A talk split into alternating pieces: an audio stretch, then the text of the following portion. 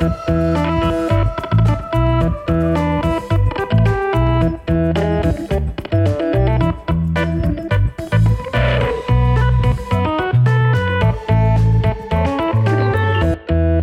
Hallo, goedemorgen, goedemiddag, goedenavond, wanneer je dit ook luistert. En welkom bij The Brief, de podcast over content marketing en media. Of nog specifieker, welkom bij Briefly, onze welbekende thuiswerkeditie van The Brief. Bijna dagelijks uh, op het kanaal van, uh, van The Brief. Um, gisteren hebben we een afleveringetje overgeslagen. Redenen zullen we jullie besparen. Wat belangrijker is, is dat het vandaag 16 april 2020 is. Het is nu vijf voor vijf in de middag. Uh, aflevering nummer 16 zijn we aanbeland van deze thuiswerkeditie. Aan de andere kant van de lijn, zoals altijd, mijn waardevriend en collega Matthijs Stielman. Hallo. M Hi Matt. Hoe is het? Ik word extreem vrolijk van het mooie weer. En uh, jij weet ook dat we net hebben gehoord dat we een pitch hebben gewonnen voor een grote klant. Dus ik ben helemaal in mijn nopjes. Het is jouw dag. Hoe is het bij jou? Ja, hetzelfde. Ik zit, uh, ik zit lekker in mijn kantoortje achter het raam in de zon, inderdaad. Dus dat is lekker. Het pitje gewonnen. Dus na deze podcast dan uh, gaat de computer dicht en dan ga ik gewoon even een biertje drinken, denk ik. Lekker man. Ik ja, heb uh, voor mezelf al een wijntje, een wijntje ingeschonken, dus om het te vieren. Hey, voordat dit eindigt in een, in een volledig zelfpijperij, of eigen pijperij, of hoe je het ook benoemt, sessie. eerst even wat negatiefs. De thuiswerkfrustratie. Ja, je moet ook even Vertel. diep graven, omdat het gewoon uh, een goede dag is eigenlijk. Dan, uh, dan ben je er wel redelijk snel voorbij. Dus ik, uh, ja, mag ik, mag ik er een, een rain check nemen op deze? Of moet ik echt iets bedenken? Zeker weten. Zeker weten. Dat mag. Alright. Dat mag. Ik zal, ik zal het je nog, nou, ik zal het je nog mooi vertellen. Ik heb er eigenlijk ook geen. het gaat eigenlijk wel lekker. Ik merkte wel dat dinsdag dat was echt, uh, die was even zwaar. Zeg maar, zo'n dagje extra en dan, uh, met, dan werken, dat, dat, dat voelde een beetje, een beetje, een beetje zwaar. Ja, gisteren had ik mijn dag ook niet, maar, maar vandaag, um, vandaag gaat het lekker. De, het zonnetje schijnt, de lucht is blauw, geen teletubbies. Um, nee, dus ik heb ook echt niks. Dan, dan is het dus gewoon mood swings. Als ja. Nou, ik moet wel. Uh, nou, uh, nu je het zegt. En ook, uh, het is een redelijke hyperbool waar je in zit. Als dat het juiste woord is, weet ik eigenlijk niet. Maar je, je gaat van heel positief, oh wat een topdag, naar wat een verschrikkelijke kutdag. En die kutdagen die zijn ook echt donker, zeg maar. Ja, ja dat klopt, herken ik wel. Ja, dat, dat um, ja, misschien um, komt het omdat je zo, hoe zeg je dat, op, op zo'n op zo'n kleine oppervlakte alles beleeft of zo. Dus je hebt weinig momenten waarop je stoom af kan blazen of wanneer je even pauze hebt van de situatie of zo. Misschien dat het daardoor komt. Het gaat allemaal maar in één keer door of zo. Ik, zei, ik hoorde mezelf vandaag tegen een collega zeggen, het voelt een beetje alsof je uh, op een loopband staat die, uh, waar je heel graag van af wil stappen, maar die maar doorgaat. Ehm uh, en daardoor krijg je werk nooit af. En, uh, en dat, dat, dan kan je in, op een bepaalde dag al in zo'n soort van draaikolkje van uh, ontevredenheid belanden. Ja. Um, overigens ehm, ontving ik van diezelfde collega een extreem lelijk opgemaakt, edoch interessant plaatje via WhatsApp. Echt zo'n doorstuur WhatsApp plaatje. Gaan kijken of we die uh, kunnen plaatsen in de show notes. Anders stoppen we hem in de mail. Waarin er uh, zes principes werden uh, opgenoemd. Waaraan je jezelf eigenlijk zou moeten herinneren gedurende deze ehm, coronatijd.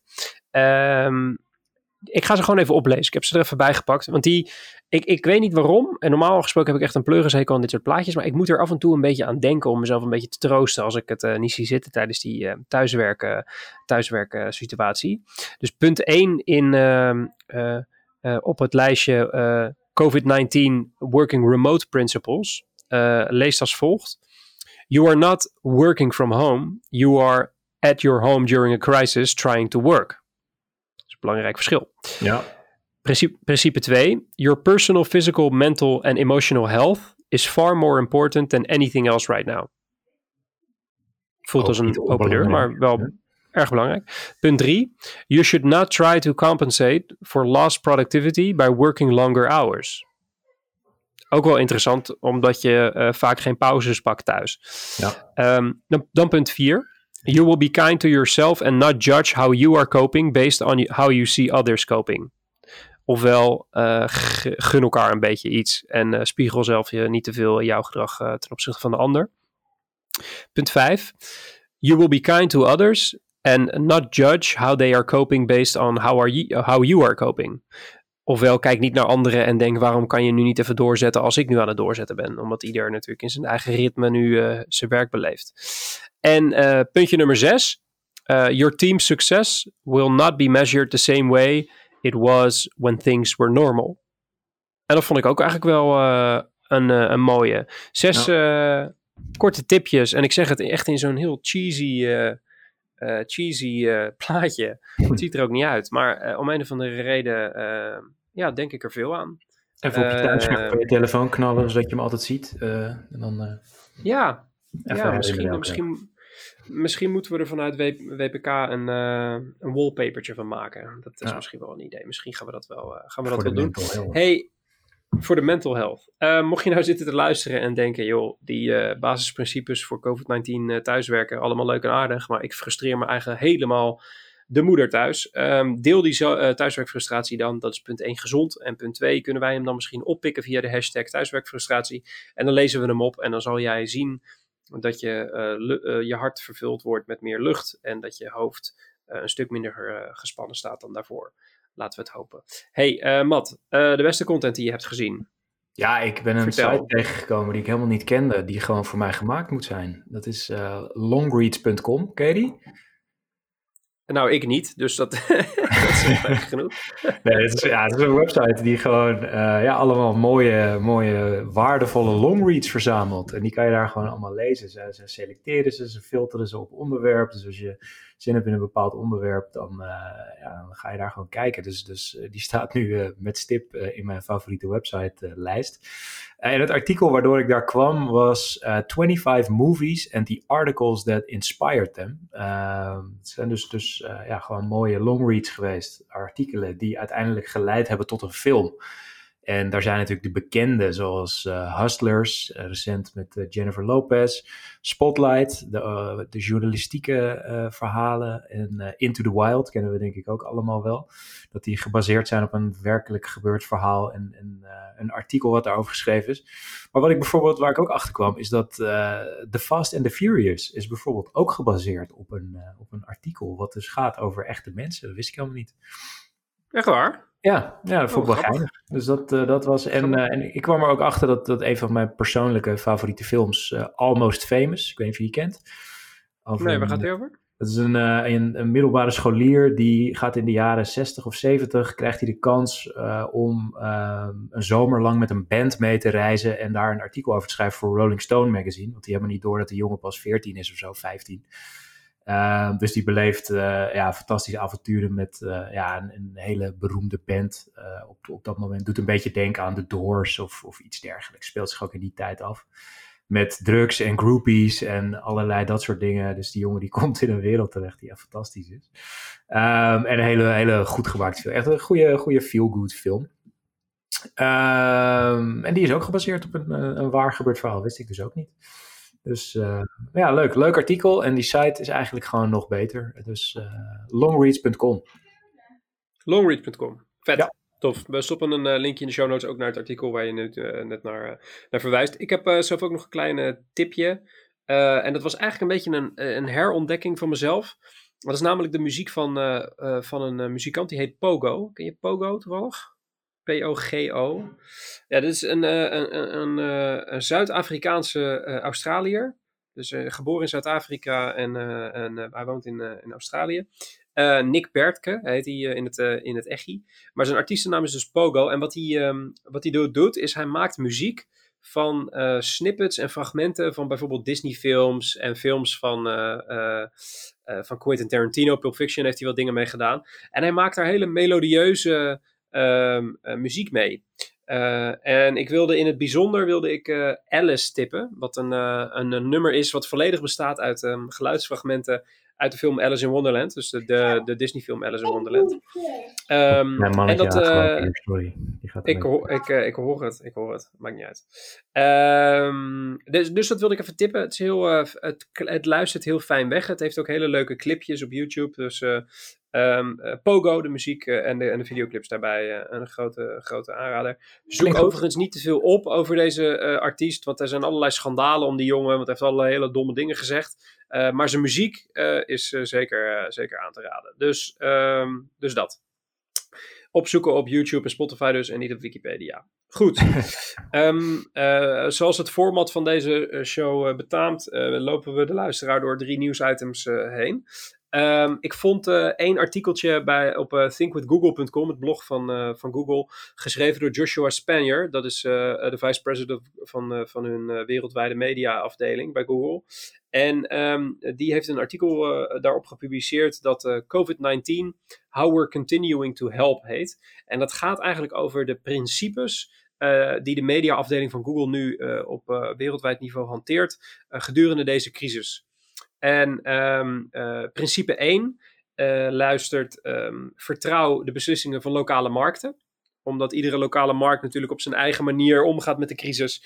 Um, moet je, vindt hij, vanuit een global afdeling meer vertrouwen uitstralen richting, uh, richting je lokale markt. Uh, puntje 2 was uh, constantly reassess your campaigns and strategy. Dus wees continu waakzaam en, en herstructureer of heroriënteer je campagnes en je strategie. Omdat waarschijnlijk omdat de dagen nu zoveel veranderen en iedere dag anders is.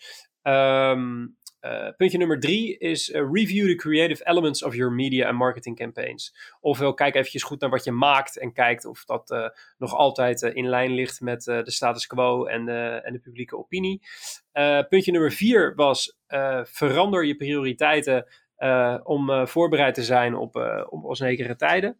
Ofwel um, zorg ervoor dat je sommige vaststaande prioriteiten die je altijd bovenaan je lijstje had staan, wellicht misschien loslaat uh, omwille van de situatie waar we nu in zitten. En puntje nummer vijf was uh, contribution at every opportunity.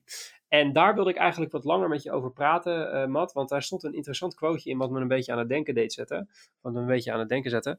Um, dat was namelijk deze quote. We're asking ourselves how we can help our consumers, our customers and our partners, especially when it comes to our own channels.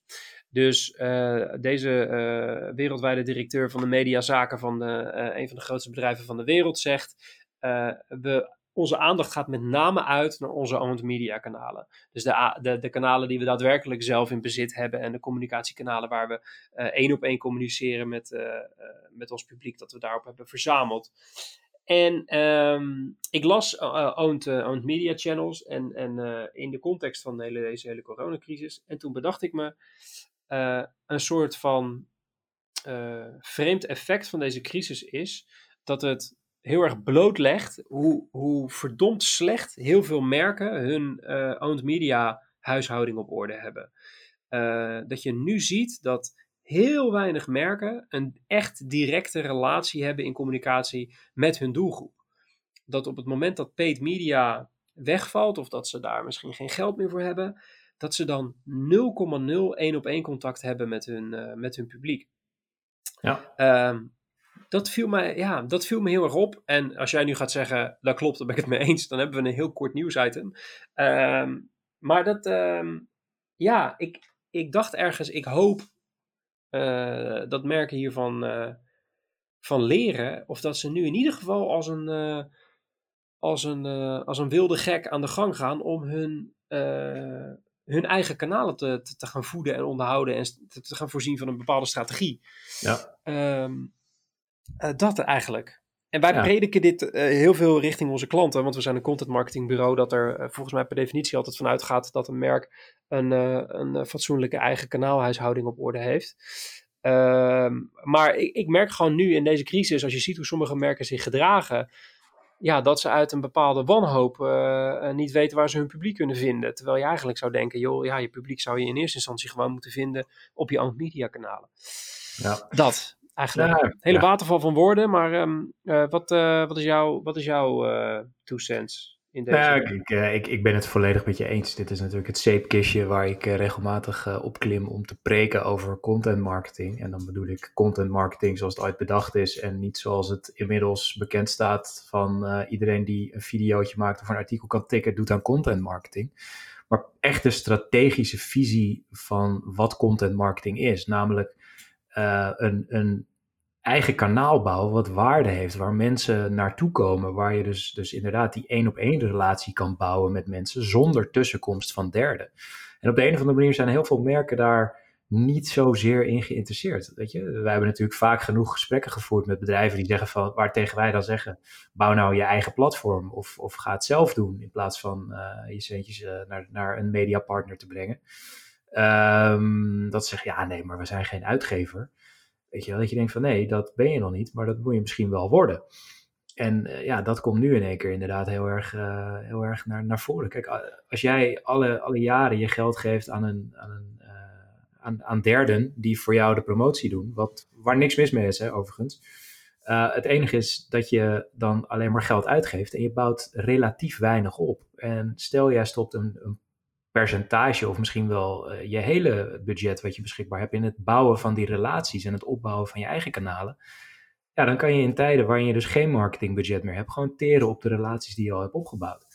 En dan heb je nu een minder groot probleem als, uh, als dat je volledig afhankelijk bent van uh, het inkopen van aandacht bij, bij derden en je hebt geen geld meer. Dus ja. ja, ik kan me daar alleen maar bij aansluiten. Bij, doe dat nou alsjeblieft. Ja. Denk ja, en ik denk ook vooral, uh, ja precies, en ik, ik, ik, denk ook vooral dat je, uh, want wij, wij roepen dit natuurlijk heel vaak in presentaties en congressen en al dat soort gekkigheid. En uh, we zeggen het zo vaak dat je het verhaal bijna zelf niet meer kan horen. maar een veel gehoorde uh, reactie is dan, moeten we dan helemaal kappen met paid media? En dat is ook onzin, want je haalt de, de haal je per definitie op op grote blaaskanalen uh, in de traditionele media. En dat is ook allemaal waar. En dat moeten we ook vooral blijven doen. Uh, en dat roepen we echt niet alleen maar omdat we onderdeel zijn van een uitgever. Uh, maar dat is gewoon feitelijk waar. Als je kijkt naar de wetenschap achter marketing, dan is het gewoon waar dat je af en toe zo'n big splash moet maken in klassieke mediakanalen. Dus je hebt je paid mediakanalen gewoon nodig. Uh, maar die owned media kanalen zijn minstens zo belangrijk natuurlijk. Dat is, degene, dat is de plek waar je je basisbereik opbouwt. Ja. En waarvanuit je vertrekt in alles wat je doet. En waar je je lessen uit leert. En waar, waar je je publiek beter leert kennen, et cetera, et cetera. En het, het heeft me echt serieus... Uh, ik, ik verbaas me echt over, over specifieke... nou, niet specifieke merken, maar sectoren waarvan je nu ziet... Oh, wauw, je hebt gewoon 0,0 idee waar je moet beginnen op het moment dat uh, je paid media budget stopt. Ja, nou, um, moet je je voorstellen dat we straks naar, naar een cookieless wereld gaan, waar je mensen dus niet meer kan achtervolgen op het internet. En stel precies. je hebt een plekje waar mensen vanzelf naartoe komen. En als je het echt goed doet, gewoon netjes inloggen om, om uh, ja, de dingetjes die jij maakt te zien. Waardoor jij gewoon exact weet wie die mensen zijn. Weet je, ja, ja. dan is het allemaal zoveel uh, ja, eenvoudiger. Ja, dat is waar. Dat is waar. Het is ook, je, uh, de reden hoe ik hier opkwam was eigenlijk niet eens dit artikeltje. Want dit artikeltje heb ik er wel echt op uitgezocht om te kijken of dit nou uh, hout sneed bij, bij een van de grote techreuzen. Maar ik, ik was een beetje aan het kijken naar onze, naar onze PNL als, als content marketingbureau. En keek naar de klanten die nu wat stiller staan versus de klanten die nu gas geven. En de klanten nu, die nu gas geven zijn de klanten met een fatsoenlijke eigen media huishouding. Um, ik, ga geen, die, ik ga geen namen noemen in, uh, in de show, want dat, dat, dat is een principe wat we hebben en dat, dat uh, ga ik niet doorbreken. Maar als je ziet voor welke merken we nu echt hard aan de slag zijn, zijn dat allemaal merken die hun CRM-systemen uh, hebben gekoppeld aan een contentgedreven uh, campagne, die de technische um, structuur hebben om, om zelf zelfstandig, zonder de, de, de tussenkomst van mediapartners, campagnes te draaien. Merken die, nou, die gewoon hun huishouding op orde hebben en die directe relatie met hun klant hebben. Um, en zo kom ik eigenlijk een beetje op dit, op dit punt. Dus Um, owned media kanalen dus. Dat is waar je volgens ons op moet inzetten. Um, maar wellicht is COVID-19 ook op dit vlak een soort van versnellende factor. Weet je wel? Ga je zien dat merken dit, uh, dat dit een soort wake-up call is. En dat ze ineens zich beseffen dat het heel belangrijk is om, uh, om die directe relatie op, met hun publiek op die, die manier op te bouwen. Ja. Wie zal het zeggen? Hey, Matti, jij hebt ook een artikeltje dat ook een beetje draait om, uh, om de wereld post-corona. Ja, ja, ik kwam een artikel tegen en de, de titel triggerde me wel. Um, de titel is For years brands have been pushing an at-home lifestyle and no one expected it to happen like this. En heel kort samengevat zegt het merk, de afgelopen jaren zijn er heel veel bedrijven gestart die uh, ja, als een soort focuspunt hadden om ons leven in en om het huis zo aangenaam mogelijk te maken. Denk aan de diverse foodboxen die we hebben gehad, de matrassen die, die thuis afgeleverd worden, maar ook, ja, je hebt een Brooklinen, is een Amerikaans merk die dus premium beddengoed en dat soort dingen ja, naar je thuis komen brengen. En die hebben allemaal de, de marketing angle genomen van zorg er nou voor dat thuis zo aangenaam mogelijk is. Want ja, in de buitenwereld ben je alleen maar hard aan het werk en heb je stress en kom je allerlei vervelende dingen tegen. En zorg er nou voor dat thuis zo chill mogelijk is. Um, ja, en ineens is die wereld natuurlijk keihard werkelijkheid geworden. Uh, ja, en, en zie je dus dat, uh, dat die merken ehm, ja, sommige gaan best wel goed. Uh, die, die gaan in één keer door het dak. Maar je merkt ook dat die merken ineens niet zo goed meer weten wat ze moeten communiceren. Omdat, ja, iedereen zit nu thuis. Uh, maar niet omdat, uh, omdat ze dat zo leuk vinden. Dus, dus die angle kan je ook niet helemaal meer pakken. En na drie e-mailings over koop nou een lekkere joggingbroek, trek die aan en doe je overhemd alleen aan als je een conference call hebt, is het ook wel een keer klaar. Dus die zit een beetje met de handen in het haar. Uh, maar de laatste quote die erin stond, die, die triggerde mij het most, of het meest. En daar moeten we het even over hebben, denk ik. Uh, want zij zeggen hier: uh, On the other side of the quarantine, it's hard to imagine what it will be like. But one thing I know once the world does make it to the other side, no brand will be able to convince me that staying in is the new going out. En wat ze hier dus feitelijk zeggen is dat die hele lekker thuis blijven, uh, ja, cocoonen, zoals dat uh, ook wel genoemd wordt, dat dat nog een succesvolle uh, marketing angle is. En dat, dat vond ik wel interessant. Dus ik ben wel benieuwd wat jij daarvan vindt. Ja, ja het, is wel, het zou best wel goed kunnen dat dat in een ander daglicht komt te staan. Omdat je nu. Uh, bedoel, ik vind thuiszitten echt heerlijk. Dat vond ik pre-corona ook al. Maar ik, ik ben in de afgelopen vier weken in, uh, heb ik me bevonden in een straal van vijf kilo, nou ja, nog niet eens, ik denk 2,5 kilometer om mijn huis heen. Ja. Verder ben ik niet geweest. En dat, dat, dat man, ik ben, uh, ik woon op Eiburg, wat, uh, wat helemaal een soort van re reservaatje is, wat tegen Amsterdam aan is geplakt. Dus het is al een beetje semi-afgelegen, maar ik, ik kan niet wachten totdat ik even wat stappen verder kan zetten. Ik zou bijna uit verveling een keertje naar Groningen rijden en weer terug. um, Uh, dus ik kan me heel goed voorstellen dat het gevoel wat deze generatie, en dan denk ik met name de, de jonge generatie werkende, dus denk ik 25, 45 of zo, weet je wel, de generatie die, die, die uh, wiens sociale leven zich extreem veel buiten bevindt, zeg maar, dus heel veel, ja, zeg maar, zeg maar, on the move is ja, dat, dat hun opvatting omtrent het thuisblijven hierdoor misschien wel verandert, wellicht. Structureel. En misschien trouwens, ja, en misschien trouwens, nu ik erover nadenk, de generaties daarboven misschien ook wel, die door allerlei omstandigheden misschien wat vaker thuis zitten, omdat, ja, omdat het misschien zo op die leeftijd is. dat die ook nu ineens gemotiveerd worden om te denken: ja, fuck it. we moeten gewoon ook meer zien, want um, dat, dat, dat, dat heeft meer waarde. Ja, dat zou best wel goed kunnen dat die dat deze crisis dat als effect heeft. Dat zie ik best wel gebeuren. En dat heeft dus als automatisch gevolg voor merken die ze heel erg daarop zitten. Ja, dat ze hun toon wellicht moeten aanpassen. Of dat ze misschien wel helemaal uh, uh, ja, buiten de tijdsgeest gaan vallen, als dat een uitdrukking is. Ja, uh, ja het is een heel interessant, een interessant gegeven. En ook dat ding over ja, ook wat het betekent voor retail. Ja. als we weer naar buiten mogen. Ja, ik denk inderdaad wel dat, uh, dat dit de, uh, de ontwikkeling die je in retail per definitie al zag in de afgelopen paar jaar. Die, dus die de, grote winkels die veel meer gaan zitten op serviceaanbod en de ervaring om het winkelen heen. En van die mixed concepts in supermarkten, dat je je eten kan kopen en het direct daar ook kan opeten. Nou, dat soort gekkigheid allemaal meer. Allemaal ontwikkelingen die meer geboren waren uit noodzaak dat die misschien na deze crisis wel helemaal ja, die sector gaan overnemen. Omdat men hunkert naar nieuwe ervaringen buitenshuis. Dat zou best wel goed kunnen.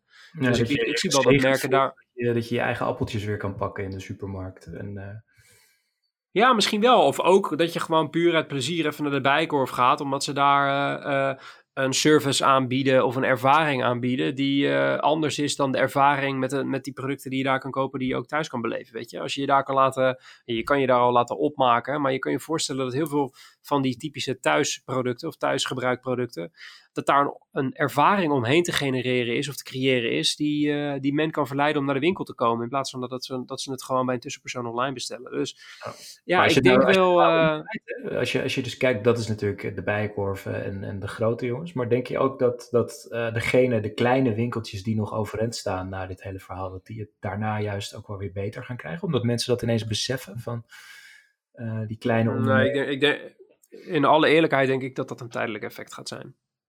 Omdat, weet je wel, uh, uh, wat ik al eerder in de, in de show zei, weet je, e-, eerst het vreten, dan de moraal.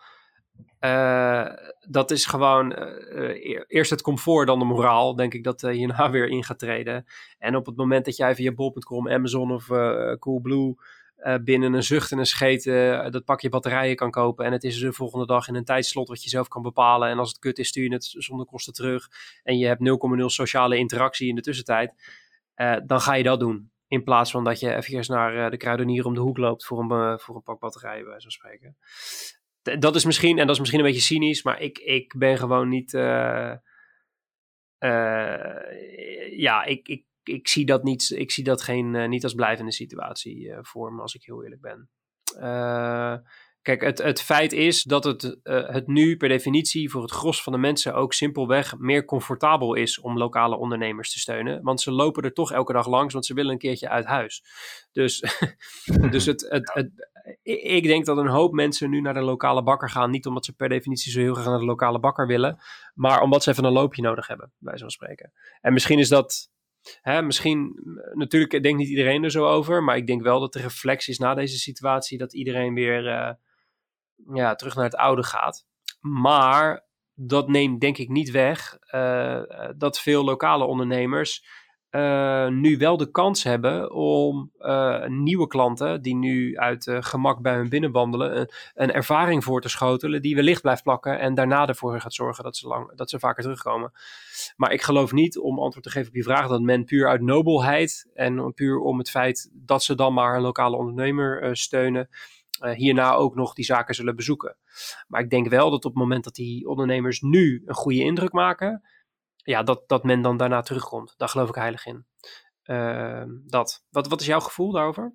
Nou, ik denk een beetje hetzelfde. Ik moet natuurlijk, ik, waar ik elke keer aan zit te denken is van, kijk, er worden nu heel veel artikelen geschreven over uh, de wereld gaat helemaal anders zijn en het, nooit meer hetzelfde en, en, dat soort dingen. En ik, ik geloof dat niet. Ik geloof dat, ja, waar ik het mee vergelijk, is dat als je een, een, een streepje trekt in, met een pen en je probeert daarna dat streepje exact over te trekken, dan zal die in grote lijnen hetzelfde zijn, maar nooit helemaal hetzelfde. Dus ik denk dat er op kleine dingen veranderingen gaan ontstaan, maar dat het allemaal niet zo'n radicale uh, U-turn wordt als dat iedereen voorspelt op bepaalde gebieden.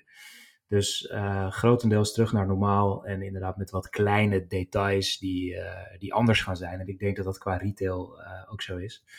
Ehm, al denk ik wel dat, dat de lokale ja, specialty stores. Dus dat zit hem ook wel op ervaring. Uh, dus de, dus de, ja, de, de bakkertjes met wat bijzondere brood of taartjes. Uh, dat soort dingen, dat die uh, wel iets gaan merken. Maar ja, de grote trend van ja, de, de, de leegtrekkende winkelstraten, omdat iedereen alles bij bol.com, Coolblue en binnenkort, of eigenlijk nu al bij Amazon in Nederland bestelt. Uh, ja, dat is niet te stoppen en dat gaat alleen maar groter worden. En sterker nog, ik denk dat dat door deze crisis alleen maar versneld wordt, die beweging. Ja, dat denk ik ook. Dat denk ik ook. Uh, dus ja, ja, ja. Nou, wat zitten we heerlijk op één lijn.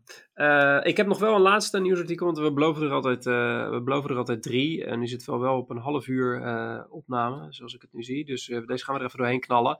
het was wel een heel leuk artikel overigens van, van Recode, waar we nogal fan van zijn. Um, This is the end of the office as we know it, heet het artikel. En die gaat eigenlijk op een bijna granulair niveau, gaat het artikel in op ja, de, de kantoorhuishouding uh, zoals we hem straks gaan aantreffen. En ook uh, het beleid, het kantoorbeleid, uh, office management beleid dat er hierna, na deze crisis, gevoerd gaat worden. Ehm, denk aan automatisch openende deuren, zodat je ze niet meer hoeft aan te, laten, aan te raken. UV-licht, dat het gebouw schoonmaakt. nieuwe schoonmaakroutines. allerlei van dat soort, dat soort dingen. Maar, en ook best wel grappig uh, om, dat, moest, dat vond ik grappig, omdat wij ooit hebben nagedacht om deze dingen in ons eigen kantoor te plaatsen, uh, Matt. Uh, bijvoorbeeld die, die, die, van die telefooncellen waar je dan heel erg in het privé een belletje kon plegen. Ja. Dat leek natuurlijk pre-corona echt als de hemel. Weet je wel, even geen gezeik aan je hoofd en gewoon een belhok. Ja. Maar nu is dat gewoon natuurlijk een, een, een doos vol bacteriën die je gewoon elke dag gaat openen. Ja, ehm, dus dat vond ik wel ja, ik vond het wel grappig, uh, grappige constateringen. Uh, verder, um, uh, ja, ze, ze, laten een aantal mensen in het artikel aan het woord en die kijken eigenlijk een beetje vooruit en zeggen dat, nou, dat, dat thuiswerken eigenlijk het nieuwe normaal gaat, gaat zijn. Dat veel sceptisch die veel, veel CEO's en veel managers en dergelijke hadden over thuiswerken, namelijk dat mensen minder zouden doen en niet hun verantwoordelijkheid zouden pakken, dat al die vooroordelen door deze crisis wellicht weg zouden vallen.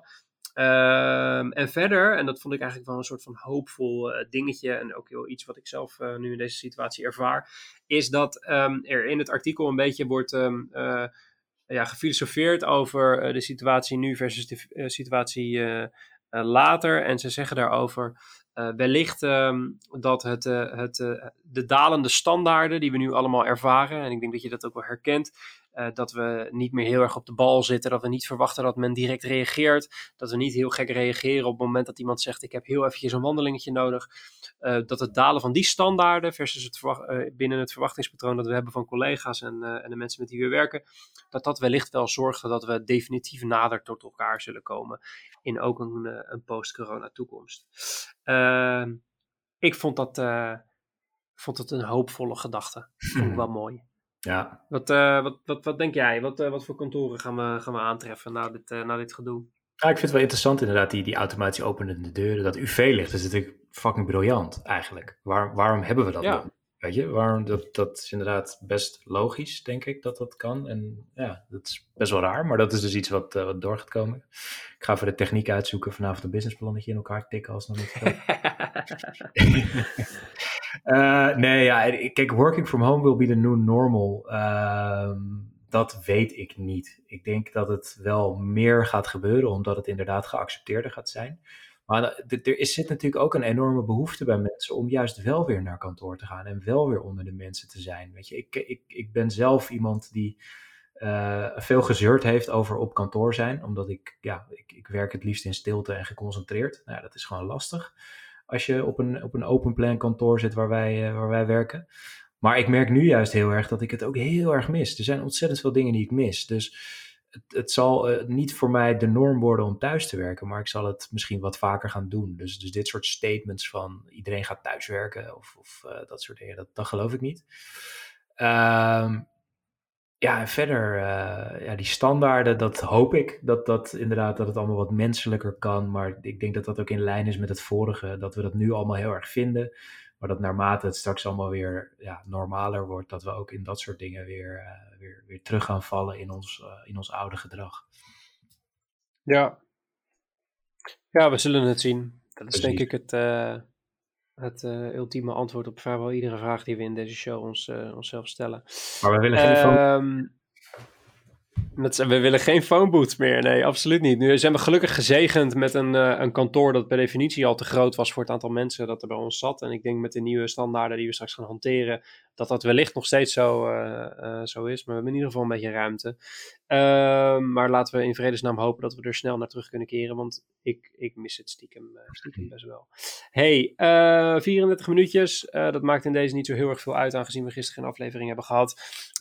rest me niks anders dan je te bedanken. Matthijs. Ja. moet, wordt er nog gewerkt of gebeld vanavond? Of is het, is het, is het klaar voor vandaag? Computertje dicht en bier drinken. Lijkt me een heel mooi voornemen. Ik, uh, ik spreek jou morgen. Proost alvast en uh, de groeten daar. Joe.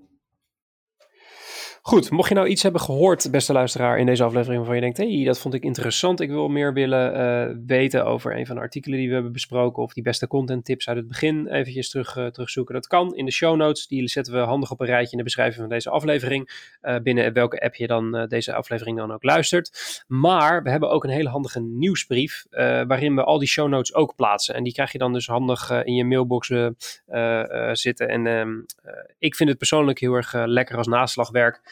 Uh, en, uh, en, fijn dat al die klikjes, of, al die linkjes gewoon klikbaar zijn. Um, inschrijven voor die nieuwsbrief kan via www.wayneparkerkent.com slash briefly of het linkje in de beschrijving van deze aflevering. Um, en dan rest me niks anders om jou te vragen je te abonneren. Heb je dat al gedaan? Heel goed. Heb je dat nog niet gedaan? Vraag dan eerst aan jezelf of je je wil abonneren. Dan zeg je vast ja. En vraag het dan ook nog eens even aan je collega's. Goed, de brief en briefly worden gemaakt door Wayne Parker Kent. Productie wordt op afstand gedaan door de onvolprezen Björn Zwagerman, redactie door de eveneens onvolprezen Hanneke Stuy. Veel dank daarvoor. Volgende aflevering is morgen. Tot die tijd, blijf gezond en blijf vooral binnen. Bedankt voor het luisteren. Mijn naam is Mark Schoones en als je nog even moet, werk ze dan nog vandaag.